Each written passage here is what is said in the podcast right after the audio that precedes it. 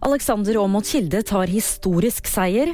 Fire menn dømt etter at 15 måneder gamle Artin ble funnet død. Og NTNU sliter med å avdekke AI-juks. Alexander Aamodt Kilde utklasset konkurrentene. Den norske alpinstjernen var suveren i Kitzbühel og vant lørdagens utforrenn fra toppen av De Streif. Det har ingen annen nordmann gjort tidligere.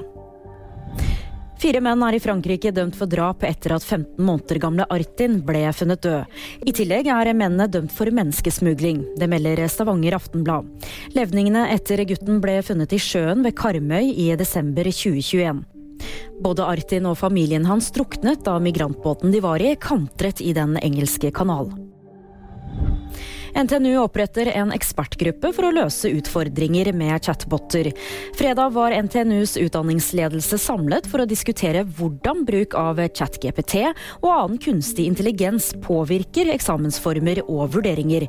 Frykten er at studenter leverer oppgaver som de har fått kunstig intelligens til å produsere. Det var VG nyheter, og de fikk du av meg, Julie Tran.